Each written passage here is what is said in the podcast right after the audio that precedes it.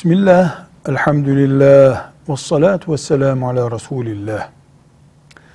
Tembel olmak ya da tembellik günahlardan bir günah mıdır?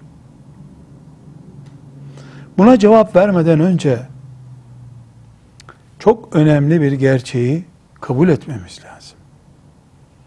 İnsan etten, kemiktendir. Binlerce metrelik kaslardan oluşuyor insan. Bir poşete konacak kadar bir beyin ve kalptir insan denen şey. Et, kan, irin, su, deri, tırnak, kemiktir insan. Melek değil, ağaç değil, taş değil, su değil, insan.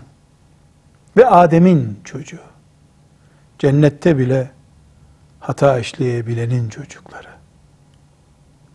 Dolayısıyla tembellik arızalardan bir arızadır. Ne demek tembellik? Yapılması gereken şeyi yapmaya üşenmek demek.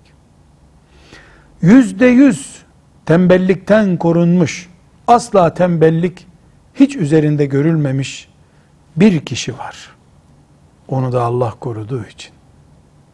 Peygamberlerin dışında yorulmayan, bıkmayan, usanmayan, terlemeyen, ara sıra ezilip büzülmeyen yoktur. Olamaz. Allah öyle yaratmadı da ondan. Tembellik günah mıdır peki? Şimdi soruya geçelim. Neredeki tembellik? Farzlardaki tembellik elbette günahtır. Namaza tembellik, oruca tembellik, anaya babaya hizmete tembellik günahtır. Kapkara bir günahtır hem de. Nafilelerde tembellik günah listesinde değildir. Bir Müslümanın farzlarda tembelliği yok ama perşembe günleri oruçta tembelleşiyor. Şevval orucunu bir türlü tutamıyor. Buna tembel demiyoruz.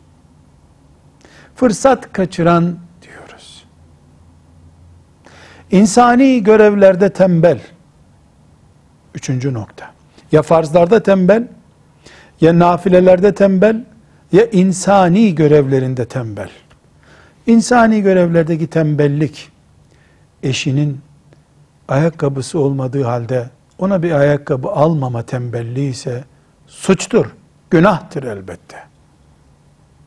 Evinin örümcek bağlamış, duvarlarını badana yapmamak, boyamamak ise bu tembellik onun örümcekliliğini gösterir ama günah olduğunu göstermez.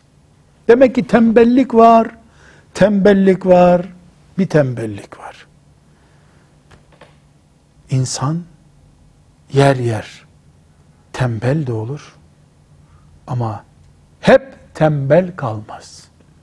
Velhamdülillahi Rabbil Alemin.